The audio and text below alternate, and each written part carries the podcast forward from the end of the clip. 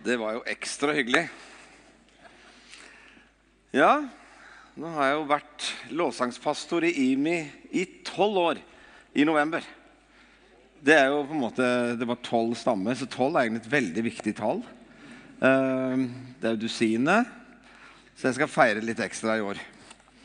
Eh, Veldig kjekt å få lov å begynne denne serien om tilbedelse. Det skal være flere uker nå, og vi skal ha det som tema. Og Det betyr jo at jeg med min kjepphest med det med lovsang skal få lov å stå her og prøve å få alle dere til å bli gira på lovsang. Det er jo målet. Nei, det er jo ikke sånn. Tilbedelse er jo noe grunnleggende for alle som er kristne. Jeg skal ikke først og fremst snakke om noen lovsangsavdeling. Jeg skal snakke om noe som er mye viktigere og ligger mye dypere. Jeg tror faktisk at det med tilbedelse altså, I dag så hadde jeg en opplevelse. Jeg satt i bilen på vei ned. Min elskede kone Gry kjørte meg ned på morgenen, for jeg talte i morges også. Og så, helt sånn random, for jeg har sånn USB-minnepinne i bilen, så begynte Frihetens konge å spille over anlegget. For de som kjenner den sangen på Troens øyne-plate, så er det jo jeg sjøl som synger på den. Så jeg, ja, ja, ja, jeg har jo hørt den en million ganger. Og. Men fantastisk budskap i sangen. Så kom jeg inn i bønnerommet her før gudstjenesten i morges. Og så kom jeg inn døra, og så kommer Frihetens konge med meg selv som sang. Eh, og det er flott. Men så var det som jeg opplevde Gud sa at vet du hva? Det som har med tilbedelse, det har faktisk med frihet å gjøre. Det har med meg og deg og den friheten som Jesus har tilveiebrakt for oss. Er ikke det bra? Vet du, når Moses ble bedt om å gå til farao for å få israelsfolket fri fra slaveri i Egypt, så sier Gud at han skal si til dem Sett mitt folk fri, så de kan tilbe meg. Ok. Det betyr tydeligvis ikke 'sett de fri, så de kan ha en låsensavdeling på en gudstjeneste'. Ikke sant? Det er jo noe langt viktigere enn det, selv om det i seg sjøl er veldig viktig. For meg så er på en måte Jeg er jo på en måte ansatt for å drive med lovsang og tilbedelse. I uh, USA, når jeg var lovsangspastor der, så ble, kalt, ble, jeg kalt for worship pastor, altså tilbedelsespastor. Det er fint. En fin tittel. Hvorfor har dette blitt så viktig for meg? Jo, det har jo med mitt møte med hva dette er for noe. Hvordan jeg fikk være tenåring og være i et miljø hvor Gud gjorde veldig mye iblant ungdommene.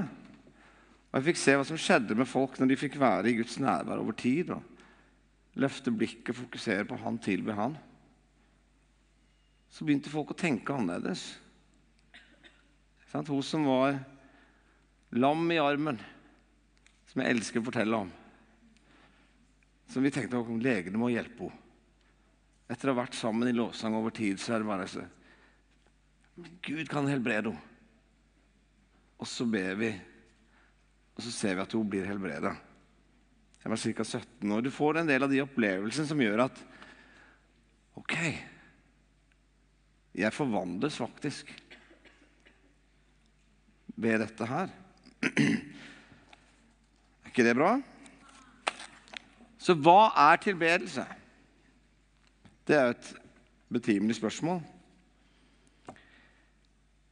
Så jeg tror det handler om hva du gir makt i livet ditt. Altså alle på en eller annen måte så gir vi makt til noe i livet vårt.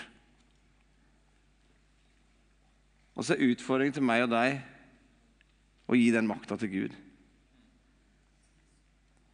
Jeg syns jo det er fryktelig bra. En av favorittbibelstedene mine for å forklare hva tilbedelse er, er fra Salme 148, hvor det står om hagl og sjødyr og måne og alt mulig greier som skal tilbe Gud. Hvordan er det mulig? Når det står om månen, så står det jo når den går i den bane Gud har satt at den skal gå i. Da tilber den Gud. Da lovsynger den Gud. Vet du forskjellen på deg og en måne er? Det er jo faktisk uh, ganske mye, uh, hvis du tenker over det. Månen den går i et system som Gud har satt. Månen har ikke fri vilje. Jeg tror jeg tar en tur til Mars i dag. Skjønner du? Det er ikke sånn. Men vi har fått fri vilje.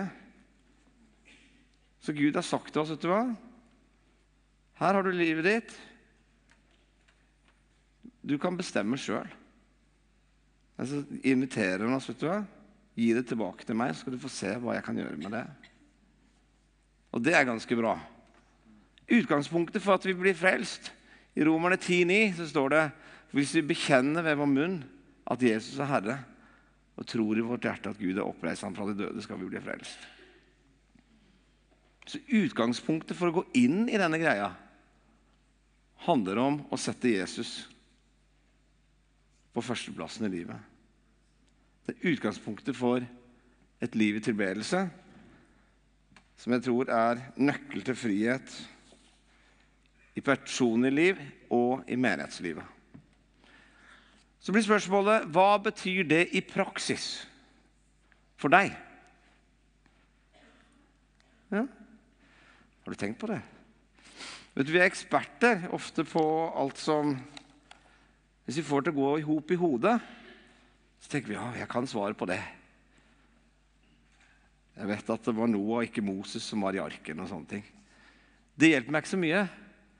Men om vi får lov å få tak i hva det faktisk betyr for mitt liv, at det blir gull. Hvis Jesus er herre, så betyr jo det faktisk at han er sjefen. Er du enig? Ja. Det er jo ikke så veldig, veldig dypt og vanskelig. Men det er jo, det er jo noen ganger i praksis kanskje ikke så lett. Altså, jeg har vært i så mange styremøter og forskjellig hvor vi snakker om alle de gode ideene våre, og så avslutter vi med å be om at Gud skal velsigne våre gode planer.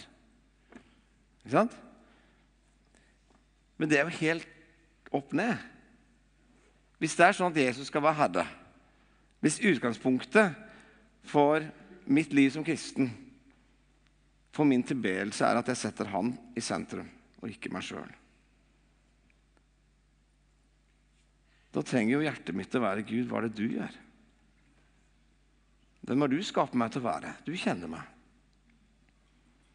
Når, du, når disiplene spør Jesus åssen i all verden skal vi be, så begynner han jo å si vet du hva, Be til Far i himmelen, for dere er, dere er hans barn. ikke sant? Og så sier han, la din vilje skje, skal vi be. La ditt rike komme. Altså en sammenheng mellom at Guds rike blir synlig i ditt og mitt liv, og i hvilken grad hjertet vårt er 'la din vilje skje', Gud. Og da, da må du si sånn Amen. Ja. For det er faktisk sånn at Gud han har ikke bare skapt deg. Han har skapt verden. Han har skapt naboen din. Ikke sant? Alt rundt oss. Han har på en måte gitt en masse prinsipper og lover som han kjenner. Og når vi innretter livet vårt etter Guds rikes prinsipper, da får vi Guds rike frukt i livet vårt. Og det er det vi vil.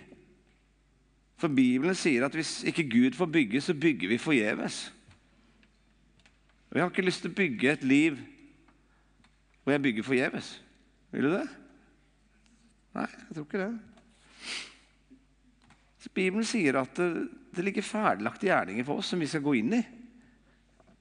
Gud har tenkt ut, Han har planer for livet vårt. Og det mest spennende livet, og hvor det er meningsfylt å bli kjent nå lever jeg, det er når du får gå i det som du er skapt til å gå i. Og da får du ikke bare den situasjonen hvor du bygger din egen trone, men du får fokus på å bygge Jesus sin trone. Og så får du se hvordan han får gjøre helt syke ting. Spennende ting i livet ditt. Så er det så mye bedre at Gud kan løfte oss opp. Er det ikke det? Enn at vi skal prøve å bygge vår egen trone. Og Det står i 1. Peter 5, 5-6 at ydmyk dere under Guds mektige hånd, så skal Han opphøye dere når tiden er moden. Jeg syns det er ganske fristende. At OK Skal jeg prøve å løfte meg sjøl opp, eller skal jeg la Gud i hans timing? Veldig mye bedre. Amen. Det står noe annet rart i Bibelen. Det står at vi skal ta opp vårt kors og følge Jesus. Hva i all verden betyr det? Korset er jo et bilde på død. Så tilsynelatende ikke så veldig lystbetont. Ikke sant? Men Gud innbyr oss til den sykeste byttehandelen i verdenshistorien. Hvor han sier, vet du Hvis du gir meg ditt liv, så skal du få mitt liv. Så vi kan få lov å dø bort ifra oss sjøl. Hvis du tenker over det, hvor mye energi du og jeg bruker på masse ting Syns de er fin på hår i dag? Hæ? Hva tenker de om meg? Liker de meg? Det går ganske mye energi på sånt. Hvis du er død, hvor mye bryr du deg egentlig? Eh, altså Jeg bare spør. Det er jo ikke så veldig mange i hvert fall, som jeg har hørt klage på det.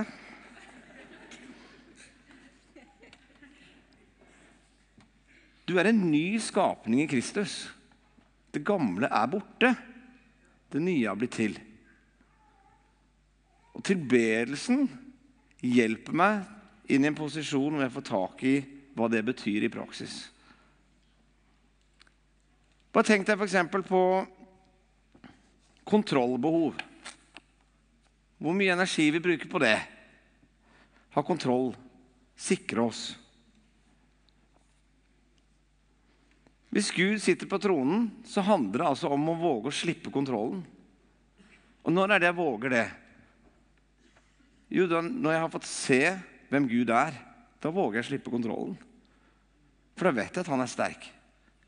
Jeg vet at hans mektige hånd kan jeg faktisk ydmyke meg under. For jeg vet at han sitt hjerte er å løfte meg opp. Han er for meg, han elsker meg. Det er bra. Så det er jo noe med disse behova. Kontrollbehov og de fleste sånn greier hvor vi skal dekke en masse behov, det er energisluk. Det er det. Men hvis du kan gå fra å være behovsstyrt til visjonsstyrt, så blir du en energibombe. Hva tenk deg en gitt situasjon. Tenker du du er hjemme, du er liksom 17 år. Din mor sier 'Kan du skrelle poteter?' Ikke sant? Åh, det er jo et behov, ikke sant? Og du bare kjenner at du, du er altså så sliten. Ikke sant? Altså, du er bare så sliten at du er nesten syk. Og du sier vet du, jeg, jeg, må bare sitte her og slappe av litt. For dette er, altså, det er bare Ikke sant? Men så, så, får du inn en melding, vet du.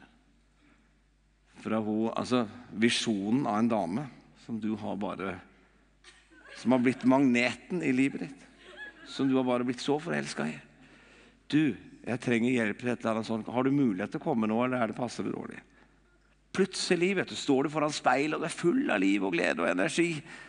Og så skal du hjelpe med noe som er mye mer krevende enn å skrelle poteter. Skjønner du? No, noen ganger så, så tenker vi å se hvis, hvis jeg ikke har fått tak i visjonen med hvorfor jeg er til Altså Når Gud får vise oss vet du hva, det er dette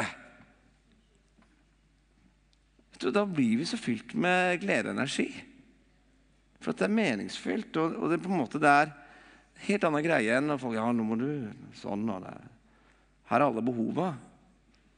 Vi er ikke først og fremst kalt til å dekke behov. Selv om det er en del av greia òg. Ikke sant? Eh, men vi er først og fremst kalt til et liv med Gud hvor Han er i sentrum. Og vi handler ut ifra tro. Det står i Bibelen at den rettferdige skal leve ved tro. Flere ganger. Og tro er noe Gud gir oss. Amen. Det er veldig artig. Jeg har jo hatt med team til Uganda med ACTA-elever i altså mange år. Og Der kommer jo ofte litt sånn til syne det her kontrollbehovet. Ta det? Og hvor forskjellige folk er. Du kan tenke deg du tar en fra et bedehus på Jæren. Så plasserer du han i en sånn greie hvor ja, det er veldig mye liv, og det er liksom ja, veldig, veldig annerledes på alle måter. Du ser folk som blir befridd, du ser folk som blir helbreda, frelst. Og, og de danser veldig mye. Så står det der og Hvordan skal jeg oppføre meg her? Eh, veldig, har, etter hvert så, så, skjønner jeg at det, folk er forskjellige. Så om jeg snakker med dem på forhånd, så sier jeg vet du, når du går inn i dette, så har jeg lagt merke til at halvparten av dere dere blir sånne som er helt gira og er med og ber for folk og engasjerer dere i det som skjer. Og resten av dere dere kommer til å instinktivt gå inn i en sånn observatørrolle. Du står litt på utsida og evaluerer alt. For dette her har du ikke kontroll på. Så sier vi evaluerer etterpå. Og selvfølgelig er det lov å bruke huet. Du trenger ikke å være med på alt. Men, men la oss på en måte ha tillit til at det er faktisk sånn at som Martin pleier å si, at Gud er ikke typisk norsk. Ikke altså, det er faktisk utrolig mye mer i Guds rike enn det som vi har lært i oppveksten. Tror du det? Ja, det er faktisk ganske mye mer. Tenk også på Det ene er jo kontroll og behovsstyrt. Det andre er frykt. Så Bibelen sier at vi skal ha gudsfrykt mer enn menneskefrykt. For at menneskefrykten binder oss. Den er et energisluk. Den tar gleden. Mens gudsfrykten den putter Gud i sentrum. Den setter meg fri og fyller meg med glede. Det er så mange ting som faller på plass når Gud får sin rette plass i livet vårt. Så det er tidenes byttehandel. og bare så du skjønner at dette her handler ikke bare om altså om sang eller sånne ting. Dette er livet mitt. Dette er valgene mine.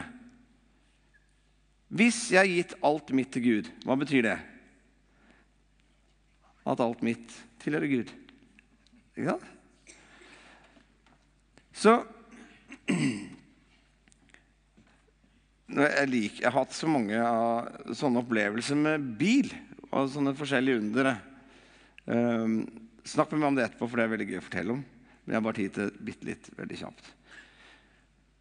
Når jeg står der, toppakningen er røket på bilen Jeg bor i Bergen.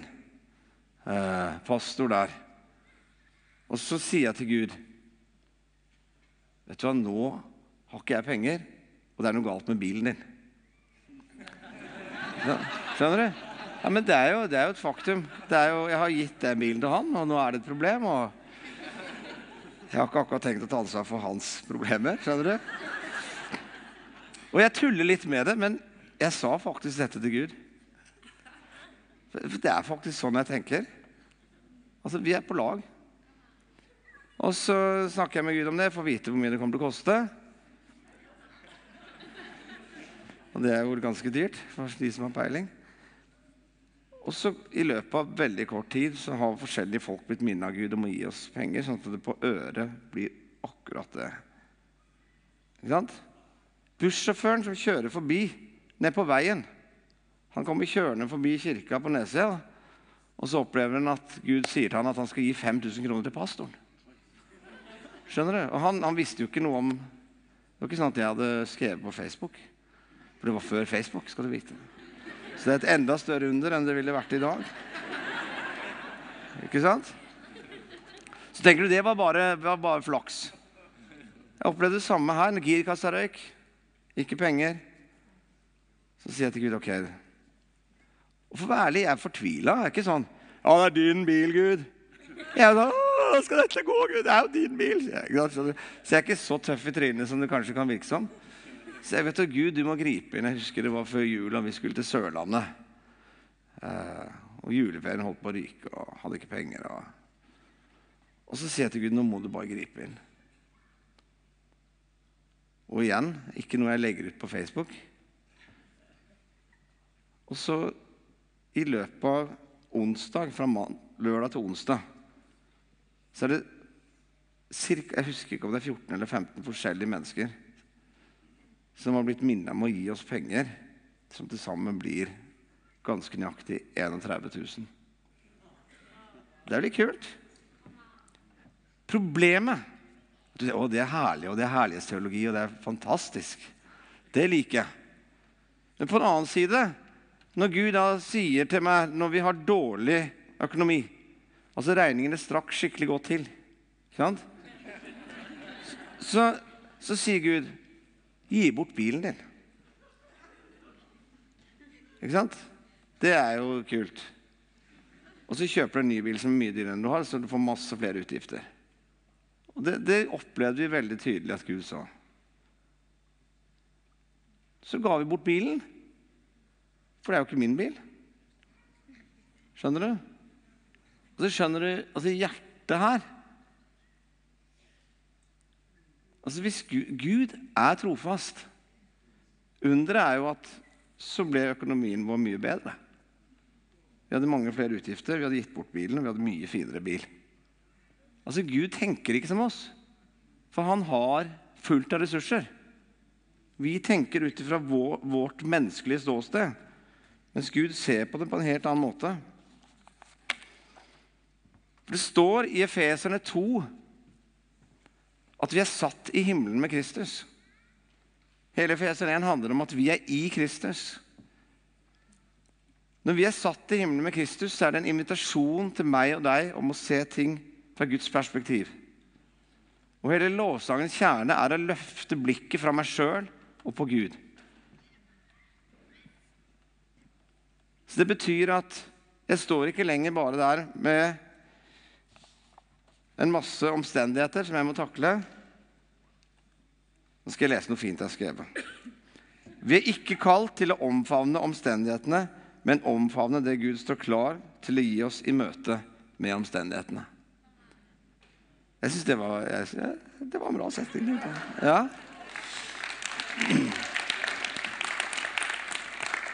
For Gud har nok. Når du går i de ferdiglagte gjerningene, så er det nok. Amen? Ja. Jeg har ikke sett på klokka, det er jeg veldig glad for. Men jeg, nå gjorde jeg det.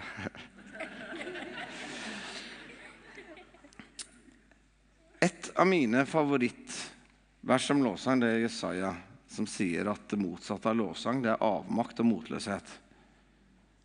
Det sier noe om at Jesaja har sett noe om hva lovsang er. Fordi at når fokuset mitt er meg sjøl, så er det ofte motløshet. Men når jeg får se ut ifra at jeg satt i himmelen med Kristus, når jeg får se Gud, hvem Han er, så begynner jeg å forstå hvem jeg er, og da våger jeg. Da er det ikke lenger motløshet, men da er det kraft. Du vet, Jesaja han hadde gått en vei, og sånn er det med alle oss. Vi går en vei hvor vi ser stadig nye ting. Er vi åpne for Gud, så tar han oss på en reise hvor vi får vokse inn i stadig nye ting.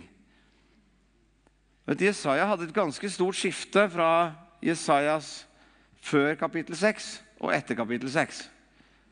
I kapittelet, altså Før Jesaja blir kalt til profet og har sitt grunnleggende møte med Gud, så går han og klager på alle rundt seg.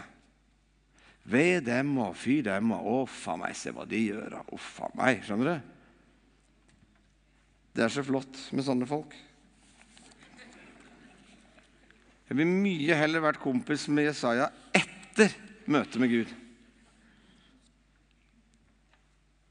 Kapittel 6. Gud kaller Jesaja til profet. I det året da kong Ussia døde, så jeg Herren sitte på en høy, mektig trone, og slep av hans kappe fylte tempelet. Serafer sto omkring ham. Hver av dem hadde seks vinger. Med to dekket i ansiktet, med to dekket i føttene, og med to holdt de seg svevende. De ropte til hverandre. Hellig, hellig, hellig er Herren Sebaot. All jorden er full av Hans herlighet. Boltene ristet i dørtersklene når ropet runget, og huset ble fylt med røyk. Når han får dette møtet med Gud, så sier han ikke lenger 'ved meg', ved dem, men han sier 'ved meg'. Det er ute med meg, for jeg er en mann med urene lepper. Jeg bor blant et folk med urene lepper, og mine øyne har sett Kongen, Herren, allherrs Gud. Så møtet med Gud gjør at jeg faktisk får se hvem jeg er. Og når jeg virkelig får se Gud, så skjønner jeg at vet du hva? Ok, Gud. Det er klart du må være sjefen. Men så er det ikke sånn med Gud at han bare sier hvor elendige vi er. Men kommer han og renser oss, og så gir han oss en ny identitet. Det, det er det samme som skjer her. Så står det da fløy en av sarafene bort til meg. I hånden hadde han en glo som han hadde tatt med en tang fra alteret. Med den rørte han ved min munn og sa, Se, denne har rørt ved dine lepper. Din skyld er tatt bort, din synd er sonet. Så hørte jeg Herrens røst. Hvem skal jeg sende, og hvem vil gå for oss? Da sa jeg, Se, her er jeg. Send meg.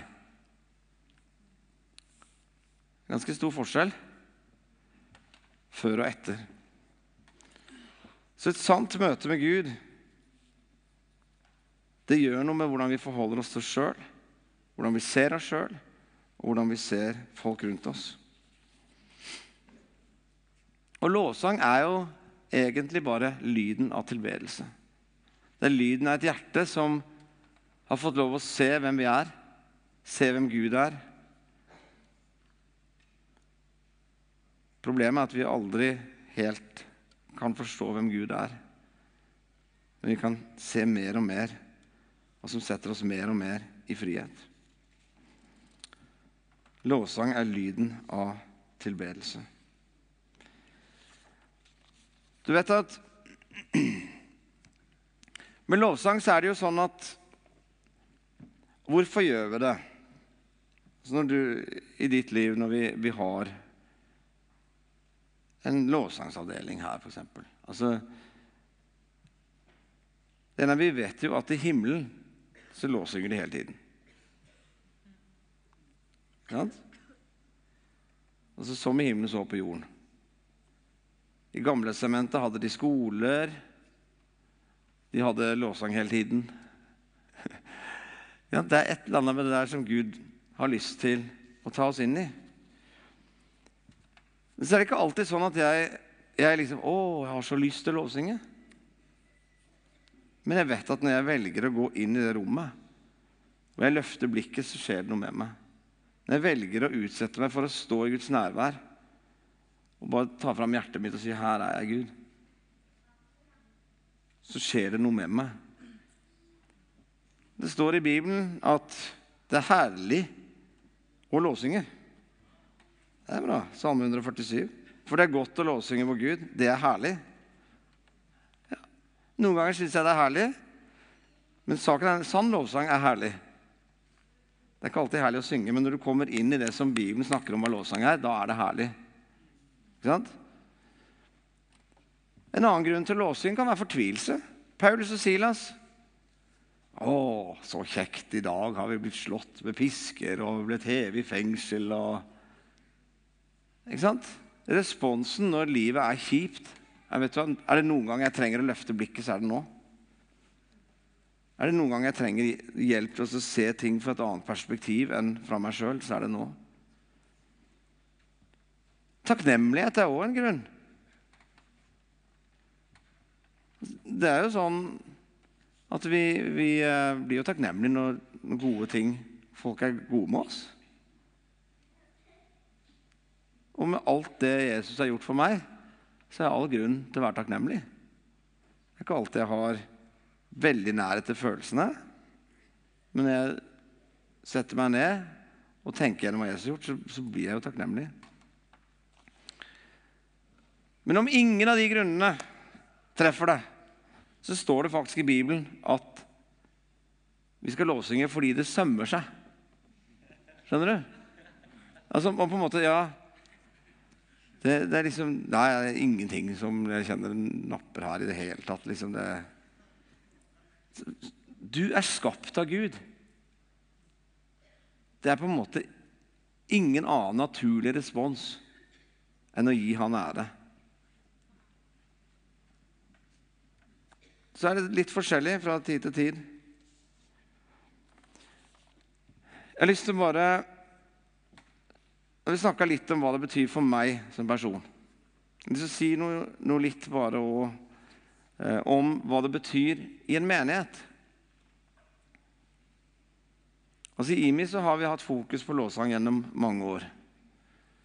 Og jeg tror det er en av nøklene til det vi får se i IMI-kirkens liv og vekst. Personlig så så fikk jeg se um, Gud kalte meg som låsingspastor til New York. Og du tenker kanskje at ja, det er jo veldig flott. Det var nok liksom som en herlig reise. Ikke sant?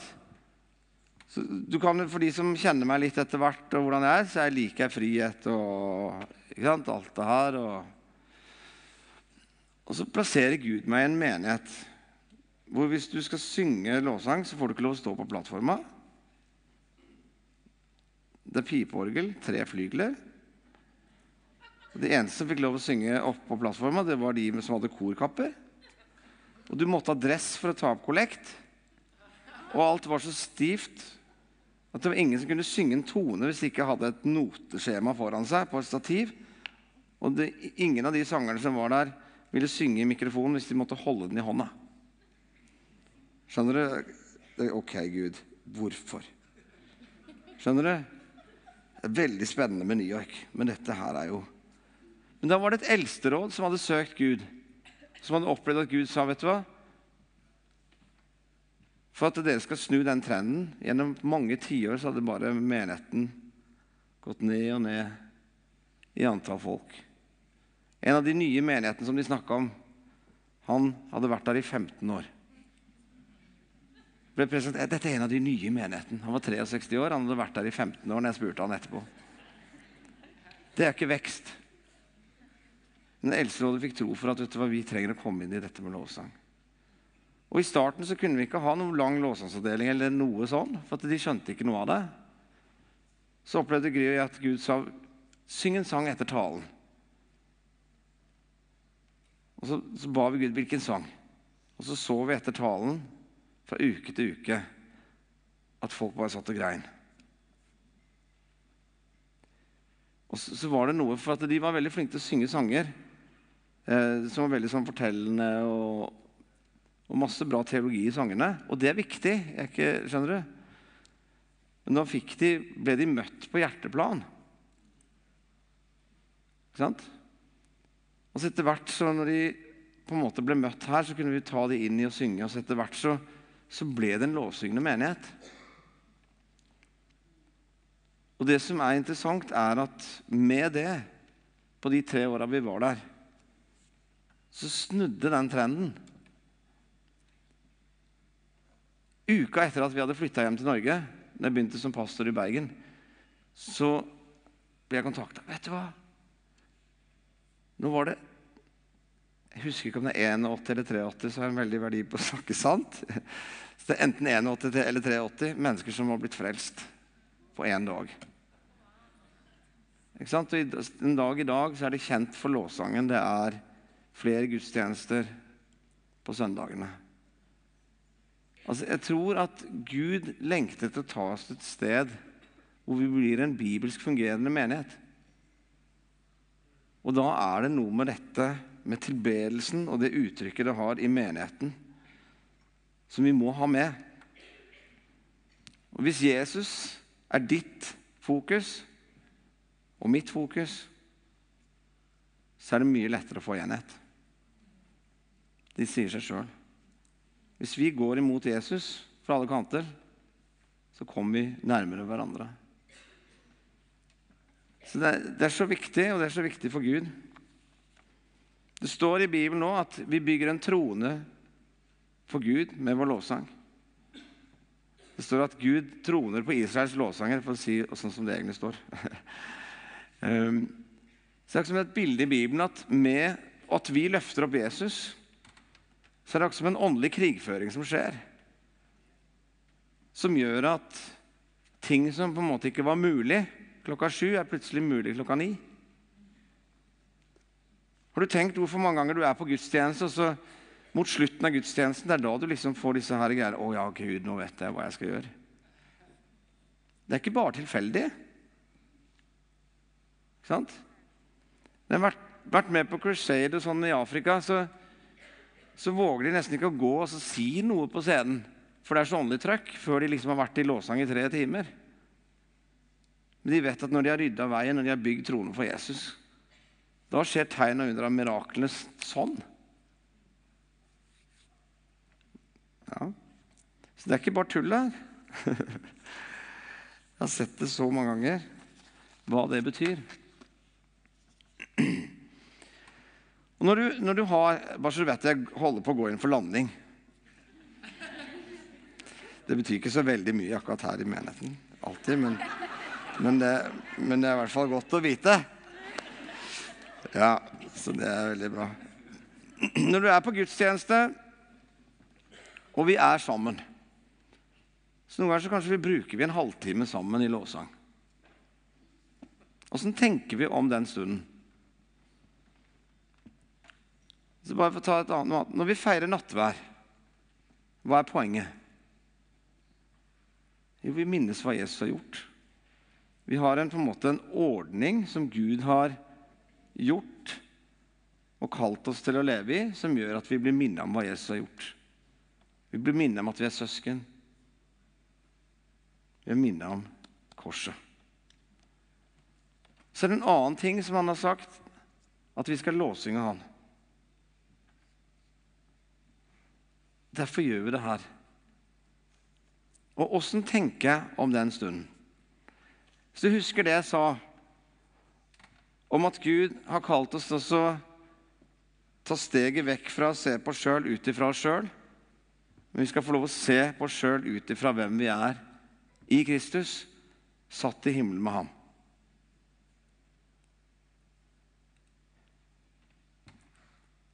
Ok, Bare se for deg at du sitter i himmelen.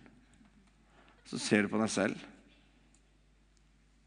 Du, du ser hvem Gud er. Og så fylles du med tro. Og hva er tro? Tro er full visshet om det du ikke ser.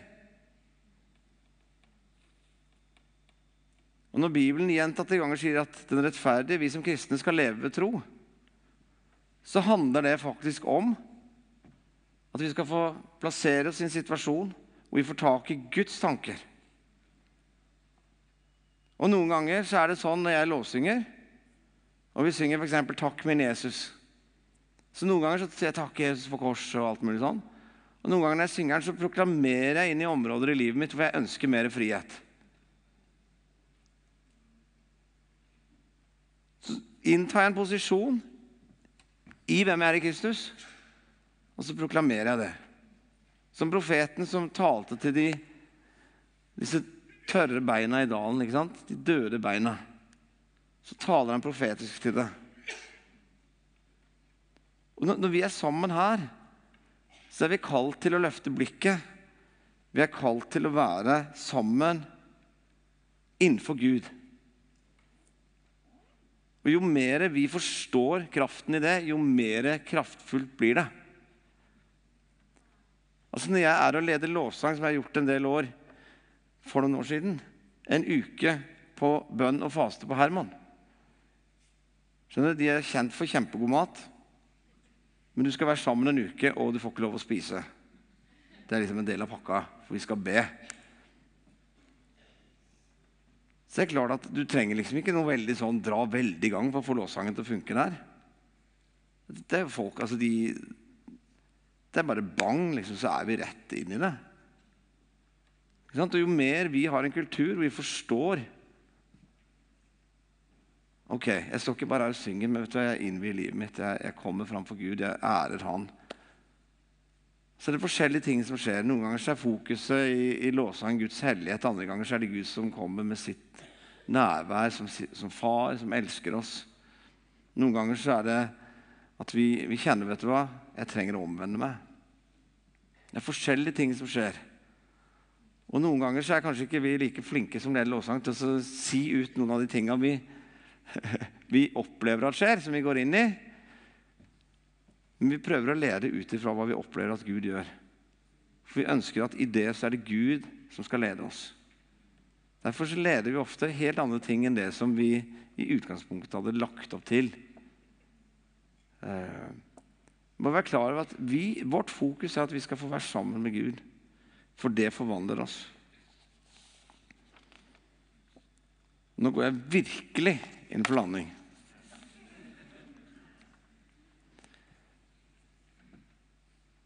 Så Vi kalles altså til å sette Gud i sentrum. Han som har skapt deg vet hvordan du er skrudd sammen, som vet hva som gjør at det bobler av liv og glede på innsida di. Som gjør at du opplever vet du hva, jeg føler meg hel, jeg føler livet er meningsfylt. Ikke alltid lett, men meningsfylt. Og jeg vet at Gud alltid er med meg og vil bære meg gjennom. Og Da må vi sette oss i en posisjon hvor Gud kan tale til oss. Det gjør vi i vårt personlige liv. Og det ønsker vi når vi har gudstjeneste. For det heter gudstjeneste, for vi ønsker at Gud skal være i sentrum. For hva vi tilber, det får ikke bare konsekvenser for meg, men det får konsekvenser for familien min, for vennene mine, for menigheten, og i hvilken grad vi som menighet får stå liksom i kraften av det Gud vil gjøre iblant oss. Bibelen sier 'bevar ditt hjerte framfor alt du bevarer', for livet går ut fra det. Og hjertet mitt, lagt i Jesu hender, det er den beste måten å bevare hjertet sitt. Så fant jeg den her. Dette er veldig sånn kristelig. et sånt speil, og så ser hvem Gud fryder seg over, og så ser du og så, Å, det er meg. Ikke sant? Det er jo, det er jo kult. Og så med evig kjærlighet har jeg elsket deg. Det er jo fantastisk ikke sant? at Gud elsker meg. Eh, og jeg mener ikke å tulle med det, selv om jeg gjør det litt. Men det som ble så, så sterkt for meg når jeg har vært i bønn denne uka, det er eh, hvor jeg opplever Gud gir meg et bilde hvor jeg står og så skal jeg ta Så står jeg og ser i speilet. Og så skjønner jeg at Vet du hva? Unnskyld, jeg mener ikke å blende dere her. Gud ser deg. Ja. ja. Så opplever jeg at når jeg står og ser meg i speilet, så er det ikke meg sjøl jeg ser, men, men det er Jesus. Og så opplever jeg Gud sier at vet du hva? Det er sånn jeg ser på deg. Når jeg ser deg, så ser jeg Jesus. Jeg ser det som Jesus representerer. Min sønn som jeg elsker. Det er et godt utgangspunkt for livet. Så har vi fri vilje, og vi kan velge. Men jeg vet at selv om jeg har gått mange runder og jeg ikke har skjønt hva Gud driver med, så etter hvert så skjønner jeg vet du, ok, nå skjønner jeg. Nå skjønner jeg hvorfor du skulle ha meg til New York. For det var veldig mye å lære av å gå den veien.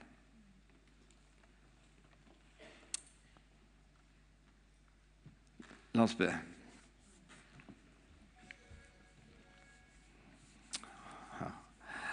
Kjære Gud. Jeg ber virkelig om at um, våre liv, vår menighet, skal få være kjent for at det er du som er Herre. Det er du som er i sentrum. Det er ikke vår agenda, men at vi lever for noe som er så utrolig mye større. At tilbedelsen vår får en hel masse uttrykk. At vi gir oss til hverandre, for det er ditt hjerte. Vi tar hånd om de som lider, for det er ditt hjerte. At vi sier til deg at vi elsker deg. For det er det vårt hjerte ønsker. Og mer og mer få lov å komme inn i en relasjon med deg hvor vi er elska og får lov å elske.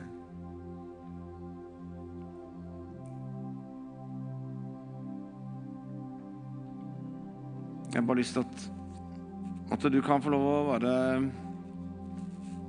Så vi er bare litt stille mens de spiller. At kanskje det er ting hvor du trenger å, å si til Gud dette området her trenger jeg faktisk å slippe kontrollen på. Her, dette trenger jeg faktisk å gi til deg. Jeg takker deg, Gud, for du er ikke ute etter at Ute etter oss fordi at vi skal få alt vi har klart. Men det hviler på nåde, sånn at ingen av oss skal skryte. Men det er ute etter hjertet vårt, som igjen og igjen kommer til deg og har forventning til at du har kraft til å forvandle oss innenfra, sånn at livet våre ikke blir noe vi tar oss sammen med, men det er noe som du gjør fra inn, innsida, som gjør at det blir meg. Sånn at jeg mer og mer får bli lik Jesus. At jeg mer og mer har tillit til deg, Gud. At mer og mer de stemmene fra skoletida om alt jeg var elendig på, skal stilne. At jeg får høre hva du sier om meg, Gud. Ber om at vi skal få lov å søke ditt ansikt mer enn noen gang i tida framover. For når jeg får se ditt ansikt, så får jeg se hvem jeg er sjøl, Gud. Og jeg våger. Ta oss inn i det du har for oss. For det er det du velsigner, og det er der vi ønsker å være, Gud.